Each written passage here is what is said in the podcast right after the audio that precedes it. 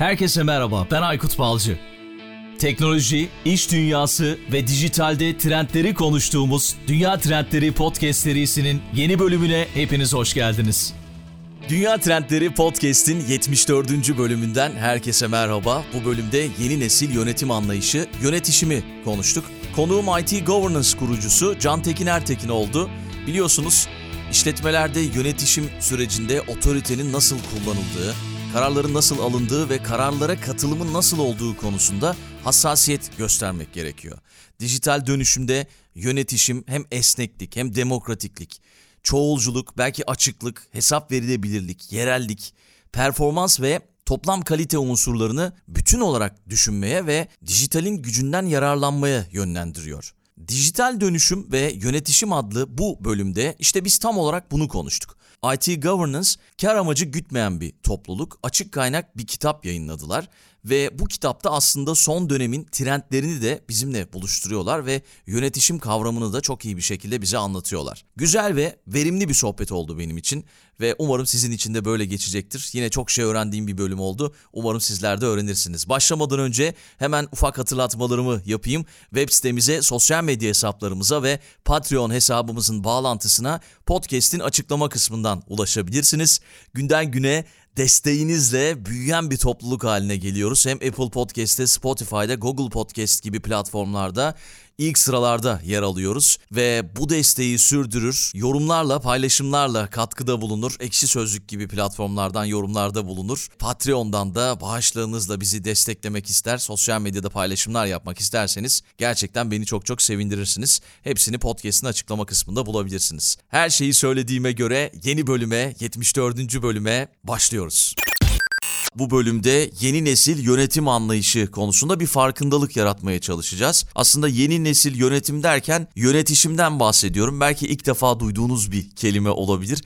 Çünkü ben de konuğum Can Tekin'le konuşmadan önce ilk defa duyduğum bir kelime oldu gerçekten. Şimdi ne olduğunu çok iyi bir şekilde bize anlatacak. Can Tekin Ertekin şu anda karşımda. Kendisi IT Governance Turkey'nin kurucusu ve ona kocaman bir merhaba demek istiyorum. Can Tekin merhaba, selamlar, hoş geldin. Merhabalar Aykut, nasılsın? Çok teşekkür ederim. Sen nasılsın? Teşekkür ediyorum. Ben de iyiyim. Çok teşekkür ederim bugün beni konuk ettiğin için. Rica ediyorum bir pazar sabahı bu yayını yaptığımızı belirtelim. Sabahın çok erken saatlerinde çekiyoruz. Bir de saat farkını dikkate almamışım ben. Böyle bir sabah sesi olabilir sesimizde.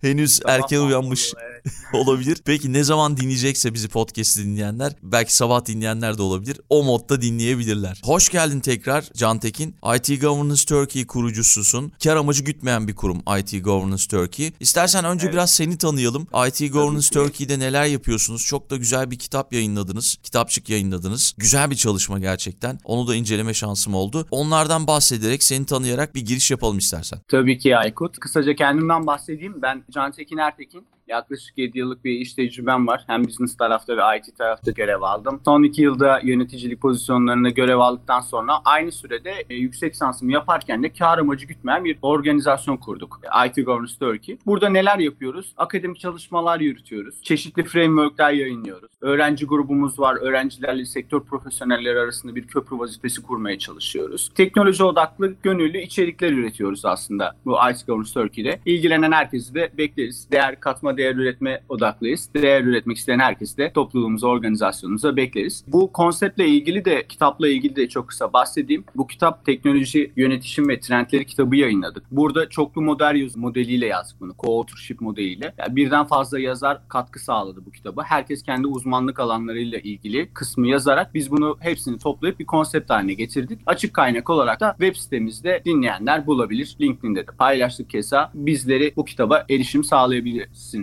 2020 yılı çok farklı bir yıl olarak karşımızdaydı. Artık yani çok fazla dile getirmek istemiyorum. Hepimiz işte dijital dönüşümden çok fazla bahsettik. Dijitalleşmeden bahsettik. Uzaktan çalışma herkesin gündeminde oldu. İşte birçok dijital dönüşümle ilgili yapmak isteyip yapamadıklarımız karşımıza çıkmaya başladı. Son bir yıl içerisinde belki de son 10 yıla göre daha fazla dijital dönüşüm ürettik diyebiliriz. Kesinlikle, Ve- kesinlikle. Hali hazırda da devam eden bir dönüşüm çabası içerisinde içerisindeyiz. Dijital dönüşüm çabası içerisindeyiz. 2021'de de bu devam ediyor ve sizin hazırladığınız bu kaynakta da biraz bu dönüşümden de bahsediliyor tabii ki. Şimdi aslında yönetişimin tanımıyla başlasak daha doğru olur. Benim çok fazla duymadığım bir kelimeydi girişte de söylediğim gibi. Yönetişim bir dönüşüm mü diye sorabilirim. Yönetişim belki bize tanımlayabilirsin ilk defa duyanlar için. Yönetimden farkı nedir? Bunu da belki anlatsan. Tabii ki bahsedelim sevgili Aykut. Yönetim bildiğiniz gibi yönet yönetişim kavramı yönetim kavramına tepki olarak ortaya çıkmış bir kavram aslında. Basitçe böyle söyleyebiliriz. Paydaşların da sürecin içerisine dahil olduğu etkili etkileşim, yoğun etkileşimin olduğu bir yönetim şekli aslında. Yani yönetime tepki olarak çıkmış. Bu ne demek? Paydaş beklentilerinde, paydaşların öngörülerinde biz ne yapıyoruz? Yönetim süreçlerine entegre ediyoruz demek. Artık önceden biliyorsunuz hepinizin bildiği gibi şirketler kral anlayışı var. Şu an artık müşteri kral anlayışı var. Yani bu da ne demek? Müşterilerin beklentilerini, müşterilerin bizden taleplerini bizim göz ardı edemiyor anlamına, anlamına geliyor. Haliyle bu da bizim yönetim anlayışımızı da evirip yönetişim anlayışına getirdi. Yönetişim aslında paydaşların da sürecin içerisine dahil olduğu, yoğun bir etkileşimin olduğu bir yönetim modeli diyebiliriz. Peki Can Tekin şimdi sizin hazırladığınız bu kaynakta gerçekten bu arada çok etkili bir kaynak olmuş. Yönetişim kavramının ilk olarak 1989 yılında Dünya Bankası'nın Afrika'nın kalkınmasına ilişkin bir raporunda özel sektör girişimleri ve piyasa mekanizmaları önemlidir. Ancak bunların iyi bir yönetişimle yürütülmesi gerekir ifadesiyle kullanılmış. İlk defa 1989'da. Sonra da Türkiye'de 1996 yılında İstanbul'da düzenlenen 2. Birleşmiş Milletler İnsan Yerleşimleri Habitat Konferansı'nda kullanılmış. Habitat'ı İstanbul'da yaşayanlar çok çok iyi bilir. 1996 yılında onunla ilgili bir anım var bu arada anlatayım hemen. 1996 yılında böyle İstanbul'da her tarafta yollar kapanmıştı. Özellikle Taksim tarafına ve e, İngilizce bilen öğrenciler aramışlardı o Habitat döneminde. Liselere gelmişlerdi bizim liseye de gelmişlerdi. İngilizce bilen öğrencileri alıp o Habitat'ta çalışma şansını yakalamışlardı birkaç tane arkadaşım. Oradan biliyorum Habitat'ı ve işte ilk duyulan yerler buralar. Belki böyle biraz yönetişim nasıl çıkmış, tarihi nasıl bunu da anlatırsan daha iyi kavrarız diye düşünüyorum. Tabii ki bahsedeyim Aykut. Burada aslında derinleme bir çalışma yaptığımız zaman ben çok bu konuyu araştırmaya gönüllü bir insanım. Araştırıyorum sürekli. Aslında yönetişim kavramı Yunanca kuberneo kelimesine kadar gidiyor. Bu da eski Yunan, antik Yunan çağlarında yani Platon'un devlet anlayışında kadar gidiyor mesela bu baktığımız kelime. Aslında çok eski bir kavram ama konsept olarak dünyamıza girmesi bahsettiğim gibi 1990 yılında Dünya Bankası'nın yayınladığı raporla aslında dünyamıza girdi, iş dünyasına girdi. Amerikalılar bu konuda iyidir biliyorsun yani konsepti Hı-hı. alıp pazarlama konusunda iyilerdir. Ama çok yabancı olduğumuz yani bu coğrafyalarda da olmayan bir kavram değil işte. Burada da bizim kendi kültürümüzde de işte devlet insanı yaşa ki devlet yaşasın anlayışı aslında yönetişim ilkelerinden bir tanesi. Çok fazla kullanılan bildiğimiz bir kavram ama konsept olarak iş dünyasına girmesi 1990'lı yıllar ve sonrasında bu 2000'li yılda Amerika'da yaşanan bu Enron kriziyle, ekonomik kriziyle dünyamıza çok daha fazla girmeye başladı 2000'li yılda. Yani yönetişimin önemini bir kez daha anladık o 2000'li yıllarda. O zaman bu önerim Lehman Brothers'la ilgili bir şey bir YouTube videosu vardı. Herkese öneririm onu da. Gerçekten güzel bir örnek. Orada bu batan şirkette Lehman Brothers'ta çalışanlar hep şundan yakınıyor. Bütün kararlar kapalı kapılar arkasına alınırdı. Biz hiçbir karara dahil olmazdık. Sadece üst yönetim şirketin bütün geleceğiyle ilgili kararları, yatırımları onlar karar verirdi. Yani sadece 3 veya 4 kişi. Bundan hmm. yakınırlar. E, yönetişim anlayışı aslında buna tepki olarak ortaya çıktığı için 2000'li yıllarda tekrar popüler oldu. Bu ekonomik krizin aslında bir lesson learned öğrenilmiş dersi oldu bize. Son yıllarda da bu teknolojinin dünyamıza çok fazla yoğun girmesiyle birlikte bu dijitalleşmenin de verdiği ivmeyle son zamanda bu Covid döneminde de özellikle çok popüler bir konu haline geldi. Genel tarihçesini bu şekilde özetleyebilirim. İstersen biraz bu son dönem içerisinde çok popüler oldu dedin ya yönetişim. Son dönem içerisinde yani son bir yıldır yönetişimin popüler olmasıyla birlikte biraz dijital dünyadan bahsedebiliriz. Nelerle karşılaştık? Yönetişim hangi alanlarda kullanıldı? Belki bunlardan bahsedebiliriz biraz. Tabii ki. Geçen sene McKinsey bir rapor yayınladı. 2020'nin özetledi aslında bize. Aslında bu Covid krizi bildiğiniz gibi herkese etkiledi. Etkilemediği kıta veya etkilemediği sektör olmadı. Ama bazı sektörler tabii ki çok daha keskin etkiledi. Bankacılık, finansal hizmetler, sigorta, kamu sektörleri biraz daha direnç destekçi kalabilirken bu noktada perakende sektörü, turizm sektörü ve üretim sektörleri gerçekten çok keskin etkilendi. Dünyada bu dijitalleşmeyi ölçen ve raporlayan güzel bir topluluk var. Are Social diye. Onların yayınladığı dijitalleşme raporuna da baktığımız zaman sen de incelemişsindir muhakkak. Dünyadaki nüfus artışıyla dünyadaki dijital e, ayak izinin aynı oranda artmadığını görebiliyoruz. Yani dünya nüfusu %1'lik bir artış gösterirken örneğin sosyal medyadaki kullanıcı sayısı %14 bir artış göstermiş bir yılda. 2021 yılında bu yayınlanan rapora göre. E, mobil kullanıcı sayısı %8'e yakın artış göstermiş. İnternet kullanıcı sayısı yine keza artış göstermiş. Dünyadaki nüfus artışıyla eş zamanlı artmadığını gözlemleyebiliyoruz. Artık dünya gerçekten dijitalleşiyor. Dijitalde dünyalaşıyor diyebiliriz. Bu Apple'la ilgili çok güzel bir anekdot var Aykut. Apple'ın 1 trilyon dolar değeri ulaşması yaklaşık 42 yıllarını almış. 1 trilyon dolardan 2 trilyon dolara ise 20 haftada çıkmışlar bu pandemi döneminde. Oo bu Ee, inanılmaz ya gerçekten. Evet, evet çok değişik bir anekdot. Birkaç tane böyle e, anekdot ekledim. Amazon'la ilgili var mı mesela elimizde öyle bir istatistik? Evet, Amazon da karlılığını %26 arttırdı pandemi döneminde mesela. Bu da gerçekten önemli bir kritik not. Tesla ile ilgili var. Yine Tesla da bildiğiniz gibi dünyamıza 10 yıl önce girdi. Ay, 10 yıl önce. Tesla'yı bilmiyordu hiç kimse. Şu an Tesla dünyanın en değerli otomobil markası değil sadece. Aynı zamanda Opel'in, Daimler'in, Volkswagen'in ve Honda'nın değerlerinin toplamını da geçmiş durumda şu an Tesla. Ve bunu diğer bütün bu saydığımız 4 araba markası 26 milyonla bu değerlere ulaşabilirken Tesla 400 bin arabayla bunu sadece yaptı. Yani 400 bin araba üretip sadece Toyota, Volkswagen, Daimler ve Honda'nın ürettiği 26 milyonluk arabanın değerinden daha fazla bir değer üretti.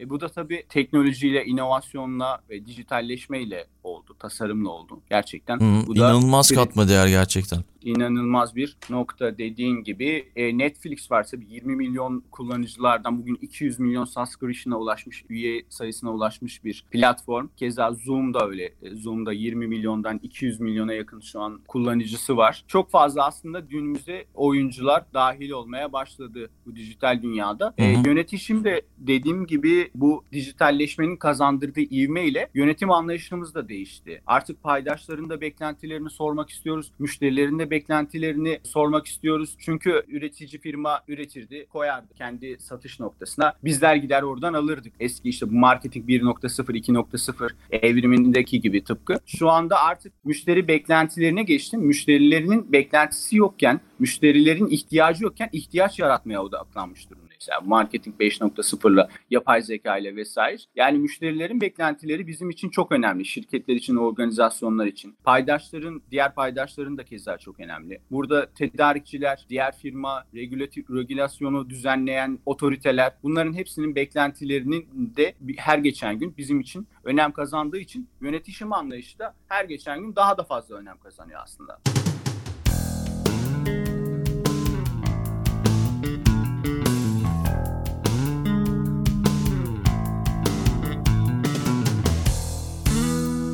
Peki yani zaman zaman podcast'in içinde de tartıştık bunu. Covid sonrası bu dijital dönüşüm veya bu alışkanlıklarımız bu şekilde devam eder mi sence? Nasıl öngörüm var? Yani ben devam etmez gibi düşünüyorum bazen. Bilmiyorum sen nasıl düşünüyorsun? Birkaç tane istatistikte Aykut %41 oranında devam edeceği vurgulanıyor. Yani Hı bizim alışkan şu andaki mevcut alışkanlıklarımız, bu dijital tüketim alışkanlıklarımızın özellikle %40'ının kalıcı olabileceğini belirtiyorlar. Çünkü gerçekten bazı alanlarda büyük bir lüks yarattı bize. Büyük bir konfor alanı sağladı. Araştırmalar bunun bir kısmının devam edeceğini düşünüyor. Ben de bir kısmının devam edeceğini düşünüyorum şahsen. Hı hı. Yani şöyle mesela şu anda gerçi Covid'in de ne zaman biteceğini öngöremiyoruz. Üçüncü dalga geldi işte Almanya'ya. Yani üçüncü dalga söylemleri var şu anda Almanya'da. Tekrar kapanacak falan gibi söylemler var. E bunun dördüncü dalgası da olabilir, beş de olabilir, altı, yedi böyle gideceğiz herhalde öyle gözüküyor. yani bir iki Evet, sene evet. daha böyle gidecek diye düşünüyorum bilmiyorum ben. Çok çabuk bitmeyecek anladığım kadarıyla. Ama hani işte 3 sene sonra 4 sene sonra bittiğini düşünsek. Hadi abartıyorum yani 3-4 sene diyorum. 3-4 sene sonra bittiğini düşünsek o alışkanlıklar belki kalıcı hale gelir. Artık çünkü 3-4 senede her şeyi alışmış olacağız. Bizim hani yeni normal lafı da artık kalmadı da normalimiz olmuş olacak o. Ee, Evet. Ama işte belki kısa bir sürede biterse atıyorum mesela toplantılarımızı biz yine Zoom'dan mı yaparız? O mesela büyük bir rahatlık pratik ol- oldu hepimiz için. İşte Zoom örneğini verdiğin için söylüyorum. Yapar mıyız yapmaz mıyız beni biraz düşündürüyor açıkçası ama sen istatistikle bunu destekledin. %41 Evet. oranında. Önümüzdeki günlerde bakalım hep beraber umarım görürüz yani. deneyimleyeceğiz. Deneyimleyeceğiz. De baktığımız zaman Aykut bu alanda ilk etapta dünyada biz tabii ki bu uzaktan çalışma kültürüne dünya olarak zaten çok yaygın bir çalışma kültürü değil. Yani Londra'da bile pandemi ön- öncesinde %5'lik 6'lık bir orandan bahsediyorlar kalıcı olarak sürekli uzaktan çalışabilen. Hı hı. E, Türkiye'de de tabii ki bu e, oran çok yüksek değildi. Uzaktan çalışmaya çok aşina birkaç tane özel şirketteki şirket dışında aşina değildik aslında. İlk etapta biraz panikledik tabii. O şirketler de bu hali, bu krizi nasıl yönetebileceğini tam çıkaramadılar. Ama sonrasında bazı şirketler maliyet tasarrufu sağladığı için ve artık herkese her an erişebilme yetenek imkanı sağladığı için çalışanlarına. Hatta artık çalışanlar da bundan biraz da muzdarip olmuş durumda şu an. Herkes erişilebilir olmaktan, e, uzaktan çalışmak demek sürekli erişilebilir olmak demek değildir. Bu anlamda aslında şirketler de bunun pozitif tarafa çevirmiş durumda kendilerine göre. O yüzden şirketlerin de ben bunun şu an zaten çoğu şirket yayınlamaya başladı. Büyük şirketler gör- görmüşsündür sen de Türkiye'de. Aynen. E, Uzaktan çalışmayı kalıcı hale getirebilecek iş modelleri tasarlamaya başladılar. Sabancı galiba açıklama yaptı. Koç Evet, yaptı. Koç grubu yaptı. Onun dışında Türksel yaptı galiba. Evet, evet. Birçok e, şirket uzaktan çalışma modelini artık kalıcı hale getireceğiyle İNG zaten bunu çok öncesinden beri yapıyordu aslında. Gerçekleştiren şirketlerden bir tanesiydi. O da yine keza kalıcı hale olabileceğini yayınladı. Çeşitli bankalar, en son FIBA Bank'ta gördüm sanırım Aykut. Onlar da aslında iş ilanlarını artık kariyerin sonuna kadar evden çalışabileceğin pozisyonlar olarak mesela açmaya başladı bazı iş ilanlarını. Bu da ilginç iş ilanı aslında. Hı hı. Yani hiç nerede olduğunun mekan bağımsızlığı, mekanın bağımlılığını tamamen ortadan kaldıran örnekler. E, artık şirketler de bu işten faydalandığı için ben bunun kalıcı etkilerinin ne olacağını düşün, o yüzden de düşünüyorum aslında. Yani yıllar önce bunu podcast'te anlattım mı bilmiyorum. Eğer anlattıysam bir tekrara girmiş olacak. Dinleyenler kusura bakmasın. Yani şey yıllar önce bir arkadaşımla bunu tartışmıştık. Kendisi bir bankanın genel müdürlüğünde çalışıyor. Bankanın ismini vermeyeyim şimdi. Yani yurt dışından bir şirketin satın aldığı bir banka diyelim. Ve işte trafikten çok dert yanıyordu. Ve işte çok fazla trafikte zaman harcadığını söylüyordu. Ben de ona şey demiştim. Ya haftanın bir günü aslında şirket size evden çalışma şansı verse böyle bir şey yapmıyorlar mı demiştim. Çünkü böyle bir uygulama yapan şirketler olduğunu duymuştum yine Türkiye'de. Dünyada zaten vardır bunun örnekleri. O da şöyle Evet, demişti. evet. Hayır biz böyle bir şey yapmıyoruz ama işte bir saat erken gidip bir saat erken çıkıyoruz. Hani trafiğe yakalanmamak için. Dörtte çıkıyoruz gibi bir şey demişti. Peki evden çalışmaya niye sıcak bakmıyorlar dediğimde şunu söylemişti bana. Yani bunu onlar da önermişler.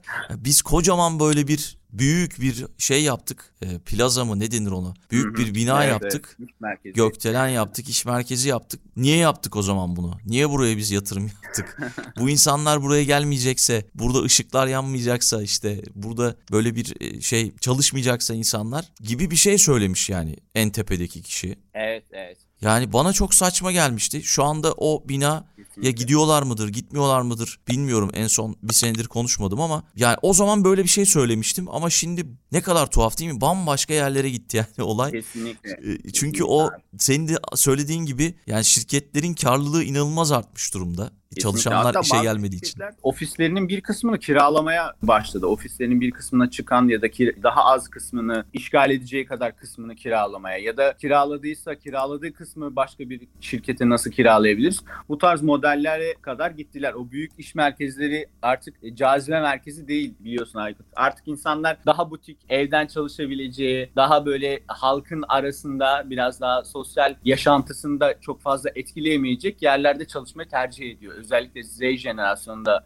iş hayatına girmesiyle birlikte. Evet, ben evet. bunu tercih edenlerdenim doğrusu. Evet yani hepimiz yani bunu zaman zaman yine dile getirdim. İnanılmaz bir şekilde pandemi döneminde çok fazla insanla tanıştım yani ve uzaktan e, bunu gerçekleştirdik. Kesinlikle. İşte uzaktan toplantılar yani inanılmaz bir sürü insanla tanışma şansı oldu. Eminim herkes de bu şekilde yapmıştır. Tabii ki tabii ki. Yayınladığımız ve bu da Aykut. Mesela LinkedIn'de bu görüntüleme sayısını görebiliyorsun. İşte 56 bin kişiye yaklaşık görüntüleyen işlendiğini bu yayınladığımız kitabın görüyoruz. E, bunu düşünsene normalde bu dijitalleşmenin sana imkanı vermeden hadi bu ya bir kitap yazdın hadi 56 bin kişiye bunun görmesini sağla. Yani nasılsa ne kadar bir bütçe harcaman gerekir, ne kadar bir efor sarf etmen gerekirken şu an sadece online dünyada yapmak istediğin bir şeyi sadece birkaç tıkla gerçekleştirebiliyorsun. Tabii canım yani şimdi bir yayın evine gitseniz o kitabın ilk baskısı için belki bin tane basacaktı. Belki de 2000. Hadi 10 bin bassın diyelim. Evet. 10 bin basacak ve onu dağıtımı da sıkıntı. Ama işte LinkedIn Kesinlikle. gibi bir mecradan elektronik kitap olarak herkese dağıtmak, 56 bin kişiye ulaştırmak. Okuyup okumadığını bilmiyoruz ama 56 bin kişiye ulaşmış yani sonuçta Ulaşmış, bir şekilde evet, evet. bakmışlar yani. İnanılmaz gerçekten. Peki biraz şeyden bahsetsek yönetimden yönetişime geçiş süreci nasıl oluyor? Yani şirketler buna nasıl bakıyorlar? Dedin ya az önce ilk başta Lehman Brothers'ın örneğini verdin. Tepedeki insanlar kararları al- alıyor. Yani aşağıdakilerin hiç kimsenin haberi olmuyor bu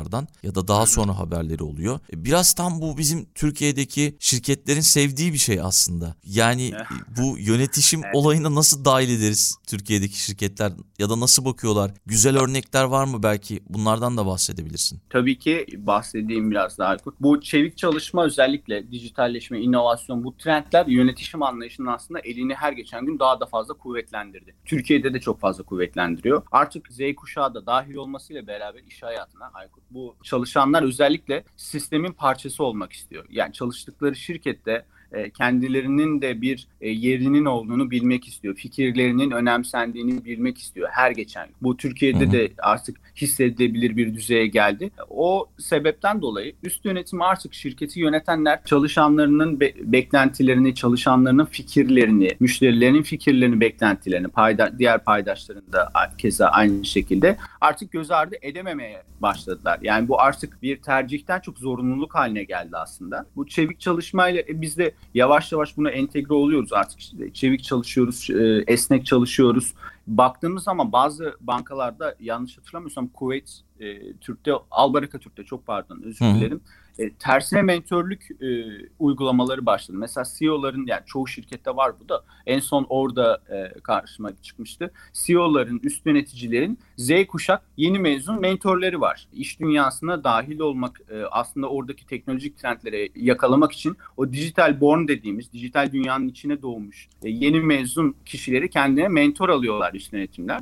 E, neden? Çünkü baktığımız zaman Türkiye'de 20 yıllık blockchain alanında tecrübeli birisi var mı? Yok. O sebep Yok, ya evet. da kri- kri- kripto paralar alanında 20 yıllık tecrübe sahip olan var mı? Yok. Ama 20 yıllık finans tecrübesi, çok değerli finans tecrübesi olan çok fazla insan var. Dijital dünyanın içerisine doğmuş Z kuşak direkt bu uygulamaların, blockchain'in, teknolojinin, inovasyonun içine doğdu aslında ve bize göre, bizlere göre adaptasyon hızları çok çok yüksek. Bu sebepten dolayı da aslında üst yöneticiler, şirket yöneticileri bu adaptasyon hızını kendilerine fırsat olarak kullanmak istiyorlar. Bu Z kuşağı çalışanlarını kendilerine mentor alıyorlar. E tabii ki bu durumda da Z kuşağı çok mutlu bu durumdan. Düşünsenize bir işe yeni başlamışsınız. Hı hı. E, CEO size kendine mentor atıyor. Yani ne kadar kendinizi değerli hissedersiniz o şirkette. Bunun gibi uygulamalar çok fazla var. Özellikle inovasyon alanında da açık inovasyon yarışmaları yapılmaya başlıyor artık. Birçok şirket TEP zaten Türkiye Ekonomi Bankası bunu yıllardır yapıyor. Ne yapıyor? İnovasyon yarışmalarıyla aslında müşterilerinden fikir topluyor. Fikir müşterilerin beklentilerini soruyor. Müşterilerin fikirlerini proje haline getirip kendisi uygulamaya başlıyor. Bu da yine iyi bir yönetişim uygulama örneği diyebiliriz aslında.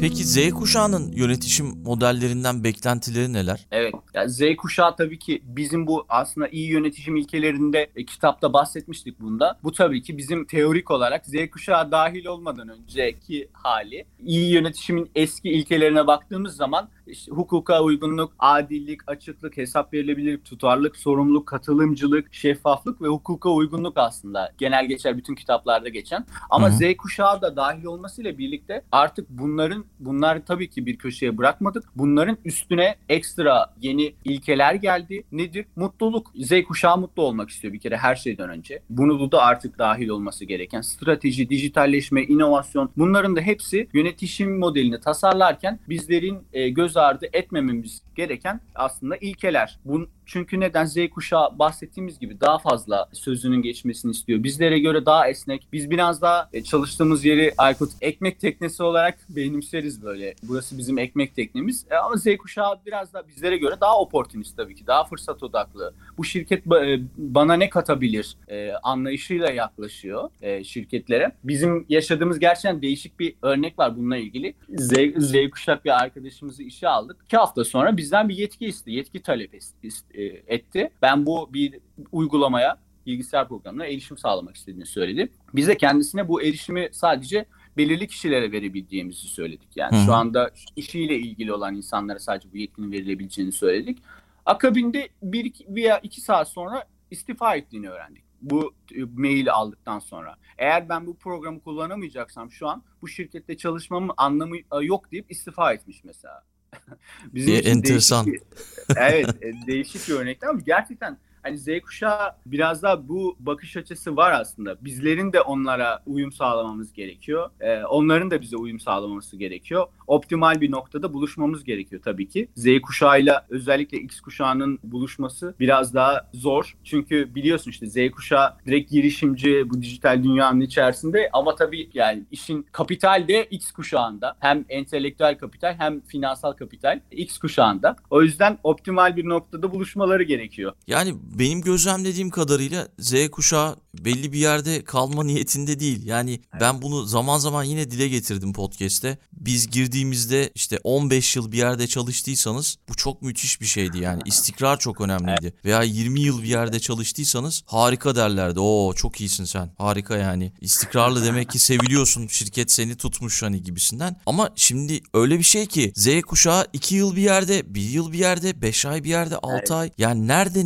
ne kaptıysa ya da yeni bir fırsat karşısına çıktıysa hiç arkasına dönüp bakmadan Kesinlikle. farklı Belki bir yere atlayabiliyor. Olması, kesinlikle. Belki de olması gereken odur. Bu aslında yaklaşık 15-20 yıl önce tasarlanmış bir model aslında bu da Aykut. Portföy işçiliği kavramı. Yine Amerika'da çıkmış bir kavram. Yani artık belki de oraya doğru evrileceğini düşünüyorum ben dünyanın. Bir şirkete çatısı altına girip tamamen o şirkete full dedike çalışmaktansa o şirketin biraz işini yapıp başka şirketin başka işini yapıp başka şirketin kendi yeteneklerine tabii ki uygun şekilde işlerini alıp bu şekilde kendine bir model haline getireceğini düşünüyorum ben aslında. Portföy Ama şey dünya şirkete bağlılık da söz konusu değil mi yani? Mesela benim kuşağım gerçekten çalıştığı şirketine kendi sahibiymiş gibi bağlıydı yani. Mesela atıyorum örnek vereyim şimdi ben Apple'da çalışıyor olsam yani veya Google'da çalışıyor olsam dışarıdan çok güzel bir imajı var gözümde şu anda. Evet, evet. Yani orada çalışmak isterim açıkçası Google'da veya Apple'da. Bağlı da olurum diye düşünüyorum orada. Hani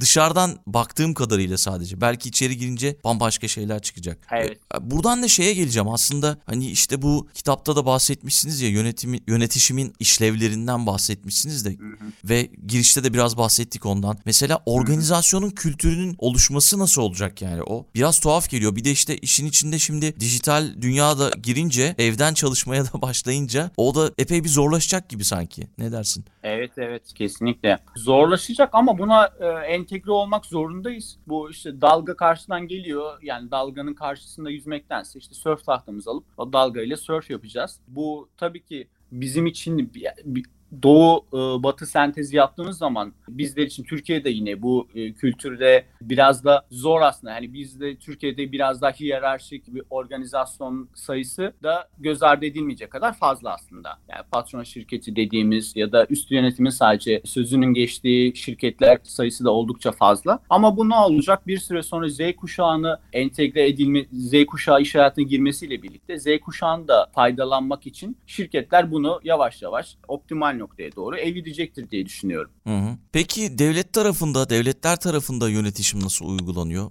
Belki ondan da biraz bahsedebiliriz. Tabii ki. Bu yönetişim modeli tabii ki bu noktaya değindiğin için teşekkür ederim. Sadece özel sektörde uygulanacak ya da sadece şirketlerde kullanılacak bir model değil. Yönetişim tüm organizasyonlarda. Biz de kar amacı gütmeyen bir organizasyonuz. Ee, biz kendimizi, süreçlerimizi daha iyi yönetirken yönetişim modeline göre tasarlayıp yürütüyoruz. Bütün üyelerimizin beklentilerini soruyoruz. Bütün bir sonraki ayın faaliyet konusu, bir sonraki ayın iç, üreteceğimiz içeriklerin konusunu tüm üyelerimize sorup oylamayla en yüksek oyu alan konuyla devam ediyoruz mesela. Tabii ki bu kamuda da uygulanıyor. Bunu Türkiye'de de yavaş yavaş uygulanacağını düşünüyorum. Yurt dışında uygulayan çok güzel belediyeler var, yerel yönetimler var.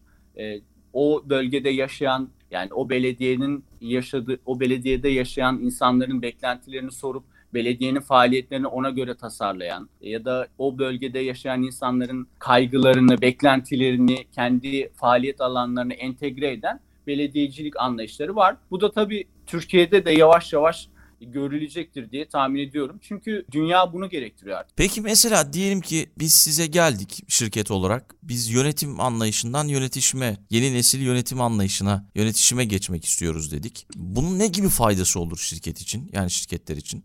Bunun aslında e, dolaylı yoldan e, birçok araştırma da var bununla ilgili. Dolaylı yoldan sizin finansal performansınıza katkı sağlayacağı, dolaylı yoldan müşteri memnuniyetinizi müşteri memnuniyetini artıracağı için yine finansal performansınıza, çalışan memnuniyetinizi artıracağı için yine finansal performansınıza aslında çok fazla katkısı var iyi yönetişim demek daha mutlu müşteriler demek, daha mutlu tedarikçiler demek, daha hukuka, regülasyonlara uygun organizasyonlar demek, iyi yönetişim demek, daha mutlu çalışanlar demek, daha mutlu müşteriler demek. Hı hı. Bunların da tabii ki memnuniyet oranı arttıkça size finansal performansı olarak tabii ki geri dönüşü oluyor. Peki Türkiye'den şu anda yönetişim konusunda çalışmalar yapan bildiğimiz kurumlar var mı? Yönetişim konusunda çalışmalar yapan çok fazla şirket var, kurumlar var. Tabii bankacılık sektöründe bu biraz ilerlemiş durumda. Bizde regülasyonların dahi regülasyonların verdiği itici güçle aslında ilk banka sektörü, bankacılık sektörü, fintech vesaire biliyorsun e, genelde öncü sektörler oluyor çoğu hmm. konsepte uygulamada. Bankacılık alanında bunu uygulayan az önce dediğim gibi açık inovasyon yarışmaları yapan tersine mentörlüklerle kendilerine Z kuşağından mentörlük seçen çalışanlarının e, sürekli düzenli anketlerle memnuniyetlerini ölçen çok fazla şirket var aslında. Bunların hepsi yönet iyi yönetişimin aslında ilkeleri artık. Anladım. Peki vallahi her şeyi konuştuk galiba. Ekleyeceğim biz gir, girişte de bahsetmiştik. Kar amacı gütmeyen bir organizasyonuz. IT Governance Turkey. Yola çıkarken e, bilgi satılabilir değil, paylaşılabilir olmaya hedefledik. Erişebildiğimiz bilgiyi tabii ki. Çünkü bu bilgiyle İngilizce'de bunun ayrımı çok net bir şekilde yapılmış. Information and knowledge. Biz ikisini de çevirirken genelde bilgi olarak çeviriyoruz Türkçe'ye. Ha, birisi bilgi, birisi birikim aslında. Biz bilginin e, satılabilir değil, paylaşılabilir bir formda olmasını istiyoruz. O yüzden elimizden geldiği kadar da erişebildiğimiz tüm bilgiyi herkesle paylaşmaya hedefliyoruz. Hepinizi de e, IT Governance Turkey ailesini bekleriz son olarak bunu söyleyebilirim. Süper çok teşekkür ediyorum katıldığın için. Kitap önerisi sormayacağım sana. IT Governance Turkey'nin hazırlamış olduğu kitabı koyarız. O da podcast'te anlamlı olur diye düşünüyorum. Bizi dinleyen herkesin göz atmasını tavsiye ederim. Özellikle bizim podcast'te konuştuğumuz konular hakkında da daha fazla bilgi sahibi olabilirsiniz. Daha çok bizim konuştuğumuz konuları işlemişsiniz. O da gerçekten hoşuma evet, gitti. Evet evet. Çok teşekkür ediyorum bu değerli yayında beni konuk aldığın için. Seninle gerçekten sohbet etmek çok keyifli keyifliydi benim için. Rica bir ediyorum. yayınından öte bir keyifli bir sohbetti benim için. Rica ediyorum. O zaman teşekkür ediyorum sana da. Tüm ekibe selamlar. Bölümü kapatıyoruz. Dünya Trendleri Podcast serisinin bu bölümünün sonuna geldik. www.dünyatrendleri.com Twitter'da @dünya_trendleri, Instagram'da dünya.trendleri adreslerinden Dünya Trendleri Podcast'i takip edebilirsiniz.